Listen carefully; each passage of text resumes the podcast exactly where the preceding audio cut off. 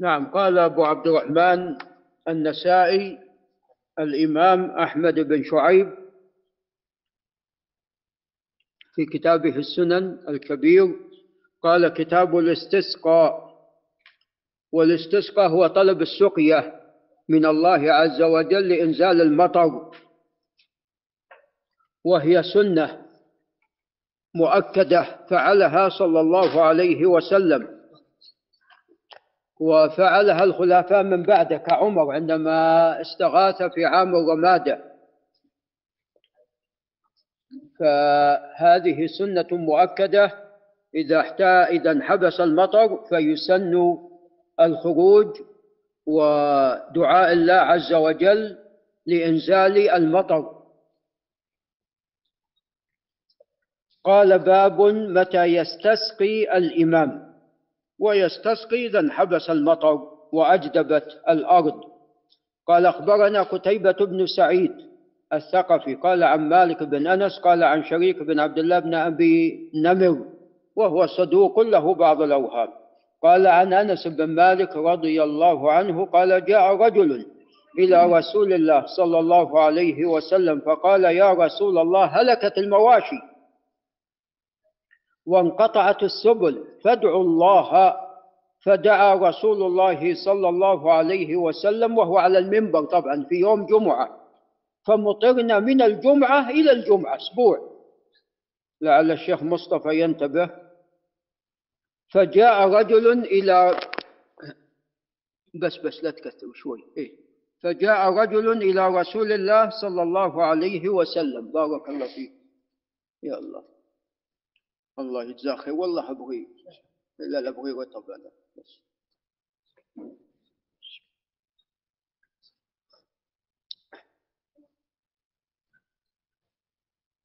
لا تنسون الشيخ أحمد صبوا شاهي فقال هلكت المواشي وانقطعت السبل فادعوا الله فدعا رسول الله صلى الله عليه وسلم. فقال يا رسول الله تهدمت البيوت. قال فمطرنا من الجمعة إلى الجمعة فجاء رجل إلى رسول الله صلى الله عليه وسلم فقال يا رسول الله تهدمت البيوت وتقطعت السبل وهلكت المواشي. فقال اللهم على رؤوس الجبال والآكام وهي الأكمة التي ارتفعت عن الأرض. اللهم على رؤوس الجبال والآكام وبطون الأودية ومنابت الشجر. قال فانجابت عن المدينة انجياب الثوب. سبحان الله. وهذا الحديث لا بأس بإسناده وقد خرجه الشيخان من غير وجه. قال بابنا الخروج إلى المصلى للاستسقاء. والاستسقاء كما يكون على داخل المدينة على المنبر يكون أيضا في المصلى. قال أخبرنا محمد بن منصور الجواز المكي. قال حدثنا سفيان بن عيينة قال حدثنا المسعودي. عبد الرحمن بن عبد الله المسعودي. قال عن أبي بكر وهو بن عمرو بن حزم الأنصاري. قال عن عباد بن تميم الأنصاري. قال سفيان فسألت عبد الله بن أبي بكر سمعته من عباد بن تميم فقال فسألت عبد الله بن أبي بكر قال سمعته من عباد بن تميم يحدث أبي عن عبد الله بن زيد الذي أري النداء أن النبي صلى الله عليه وسلم خرج إلى المصلى يستسقي فاستقبل القبلة وقلب رداءه وصلى ركعتين. نعم هذا الحديث صحيح في الصحيحين ولكن سفيان أخطأ. قال إن عبد الله بن زيد هو الذي أري النداء لا هو الثاني. اثنين عبد الله بن زيد من الصحابة. قال فصلى ركعتين هذه السنة. قال فاستقبل القبلة. جزاك الله خير. وقلب رداءه. بعد أن خطب الناس استقبل القبلة وقلب رداءه. وصلى ركعتين. نعم. وطبعا الذي ثبت بالنسبة للخطبة في الاستسقاء أنها تكون قبل الصلاة. وجاء في رواية بعد الصلاة كما هو عمل العمل عليه الآن ولكن فيها ضعف. قال أخبرنا محمد بن بن عبيد قال حدثنا حاتم بن إسماعيل قال عن هشام بن عبد الله قال عن هشام بن إسحاق بن عبد الله بن كنانة قال عن أبيه قال سألت ابن عباس عن صلاة رسول الله صلى الله عليه وسلم في الاستسقاء فقال خرج رسول الله صلى الله عليه وسلم متبذلا نعم. يناسب الدعاء التواضع والتبذل. نعم. قال موسى عليه السلام ربي إني لما أنزلت إلي من خير فقير. متواضعا متضرعا فجلس على المنبر فلم يخطب خطبتكم هذه. يعني خطب لكن ليس مثل خطبتكم. لكن لم يزل في الدعاء والتضرع والتكبير وصلى ركعتين كما كان يصلي في العيد. وهذا إسناد لا بأس به. وقد أخرجه أبو عيسى الترمذي وقال حسن صحيح. وصححه ابن خزيمة وابن حبان والحاكم وإسناد صالح. قال أخبرنا إسحاق بن منصور وهو الكوسج ومحمد بن المثنى عن عبد الرحمن محمد بن المثنى الأنزي عن عبد الرحمن بن مهدي عن سفيان الثوري عن هشام بن عبد الله بن كنان عن أبيه قال أرسلني فلان إلى ابن عباس أسأله عن صلاة رسول الله صلى الله عليه وسلم في الاستسقاء فقال خرج رسول الله صلى الله عليه وسلم متضرعا متواضعا متبذلا فلم يخطب نحو خطبتكم خطبتكم هذه وصلى ركعتين. نعم. قال أخبرنا قتيبة بن سعيد قال حدثنا عبد العزيز عن الدراوردي عن عمارة بن غزي عن عباد بن تميم عن عبد الله بن زيد أن الرسول صلى الله عليه وسلم استسقى عليه خميصة سوداء يعني كساء أسود مربع له علمان نعم والحديث صحيح تقدم. قال باب تحويل الإمام ظهره إلى الناس عند الدعاء للاستسقاء لأنه هو مستقبلهم يخطب ثم استقبل القبلة. فمن السنة إذا دعوت أن تستقبل القبلة. قال الحارث بن مسكين قراءة عليه وأنا أسمع.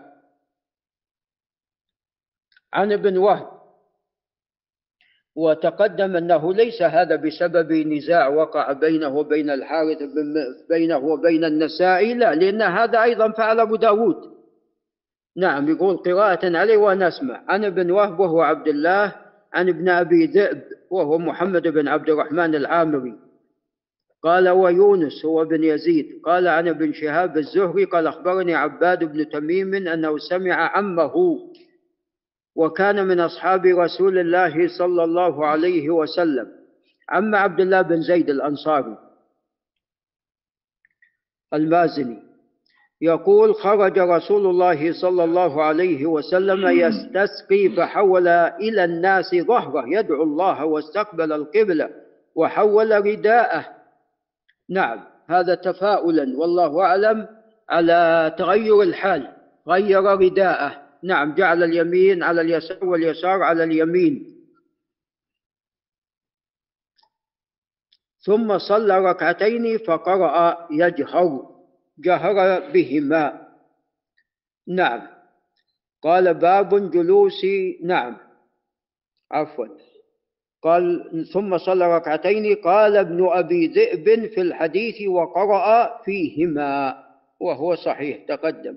قال أخبرنا عمرو بن عثمان قال حدثنا عمرو بن عثمان الحمصي قال حدثنا الوليد وهو الدمشقي الوليد بن مسلم قال عن ابن أبي ذئب وهو محمد بن عبد الرحمن قال عن الزهري عن عباد بن تميم الأنصاري أن عمه حدثه أنه خرج مع رسول الله صلى الله عليه وسلم يستسقي. فحول رداءه وحول يعني إلى الناس ظهره ودعا ثم صلى ركعتين فقرأ يجهر. فالدعاء والخطبة قبل الصلاة. قال باب جلوس الإمام على المنبر للاستسقاء. فلا بأس أن يستسقى. نعم في يوم الجمعة على المنبر. نعم ويستسقى أيضا على المنبر في غير الجمعة. قال أخبرنا محمد بن عبيد بن محمد النحاس الكوفي قال حدثنا حاتم بن إسماعيل المدني قال عن هشام بن إسحاق بن عبد الله بن كنانة قال عن أبيه قال سألت ابن عباس عن صلاة رسول الله صلى الله عليه وسلم في الاستسقاء فقال خرج رسول الله صلى الله عليه وسلم متبذلا متواضعا متضرعا.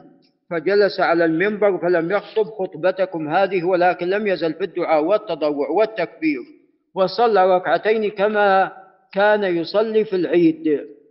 فالظاهر نغلب الخطبة دعاء وتضرع وتكبير. قال تحويل الإمام الرداء وهذا تفاؤلا.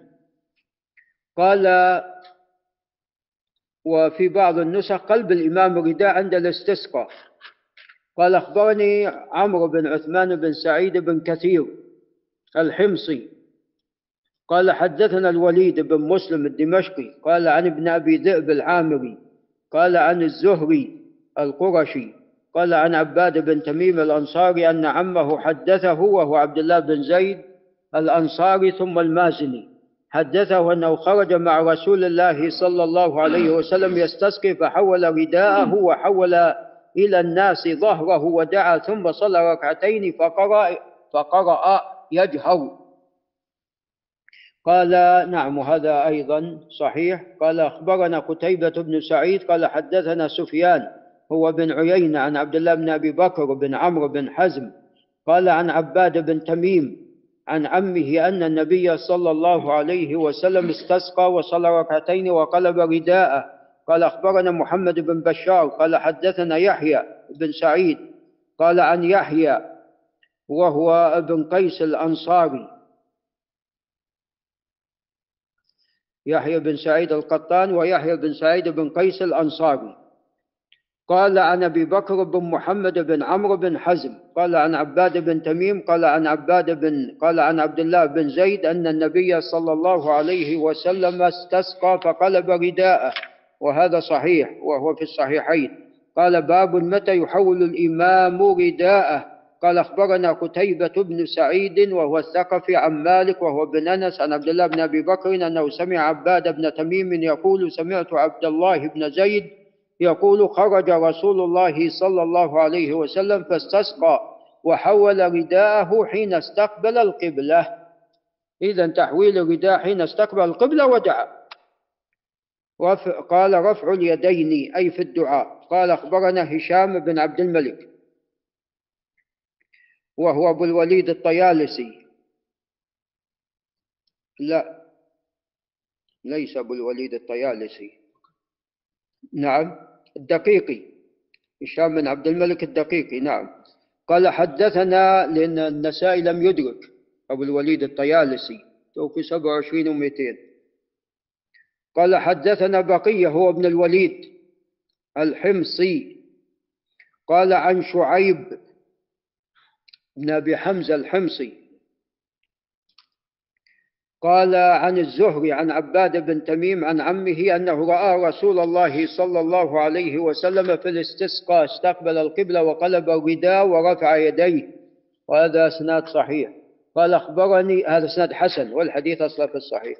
قال أخبرني شعيب بن يوسف قال عن يحيى قال عن سعيد.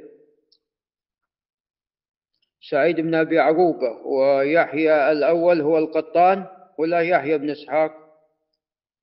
القطان.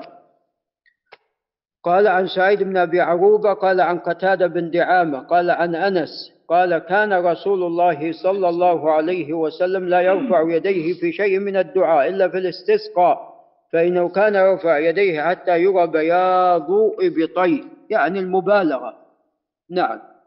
حتى تكون بطونهما إلى الأسفل وظهورهما إلى الأعلى وليس هكذا وإنما هكذا. نعم. ولا يرفع يديه إلا في الاستسقاء يعني في المبالغة هكذا. نعم. وإلا كان يرفع يديه عليه الصلاة والسلام في حديث كثيرة. قال باب كيف يرفع. قال أخبرنا عيسى بن حماد هو, هو المصري زغبة المعروف بزغبة وهو ثقة. قال أخبرنا الليث هو بن سعد قال عن سعيد يعني المقبري قال عن شريك بن عبد الله هو ابن أبي نمر وقد خرج له البخاري. قال عن أنس بن مالك أن رضي الله عنه أنه سمعه يقول بين نحن في المسجد يوم الجمعة ورسول الله صلى الله عليه وسلم يخطب الناس. فقام رجل فقال يا رسول الله تقطعت السبل وهلكت الأموال وأجدب البلاد فادعوا الله أن يسقينا. فرفع رسول الله صلى الله عليه وسلم يديه حذاء وجهه. فقال اللهم أسقنا. فوالله ما نزل رسول الله صلى الله عليه وسلم المنبر. حتى أوسعنا مطرا وأمطرنا ذلك اليوم حتى الجمعة. الأخرى فقام رجل لا أدري أهو الذي قال يا رسول الله استسقي لنا أو غيره أم لا.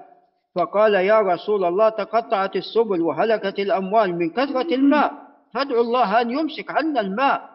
فقال رسول الله صلى الله عليه وسلم اللهم حوالينا ولا علينا. ولكن على الجبال ومنابت الشجر قال والله ما هو إلا أن تكلم رسول الله صلى الله عليه وسلم بذلك تمزق السحاب حتى ما نرى منه شيئا وهو في الصحيحين. قال أخبرنا حميد بن مسعدة وهو البصري. قال حدثنا يزيد بن زريع وهو البصري. قال حدثنا سعيد بن أبي عروب البصري. قال حدثنا قتادة وهو البصري. قال عن أنس بن مالك وقد نزل البصرة.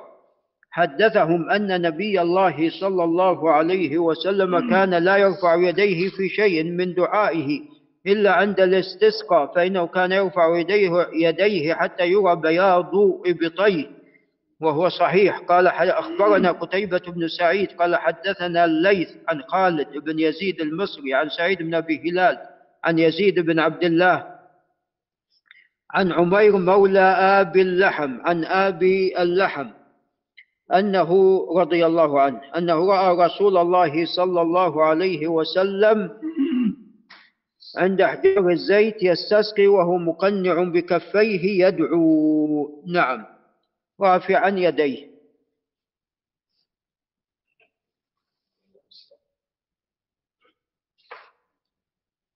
وفي يعني روايات الأخرى عن آبي اللحم وليس عفوا في الروايات الأخرى عن عمير مولى آبي اللحم وليس عن أبيه وليس عفوا عن مولاه آبي اللحم. ولعل الأول ولعل بدون ذلك هو الأرجح والله أعلم.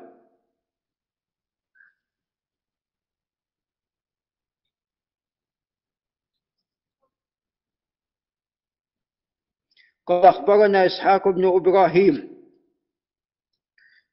الحنظلي قال أخبرنا المعتمر هو بن سليمان. قال حدثني أبي سليمان. قال حدثني بركة عن بشير بن نهيك عن أبي هريرة رضي الله عنه كان قال كان رسول الله صلى الله عليه وسلم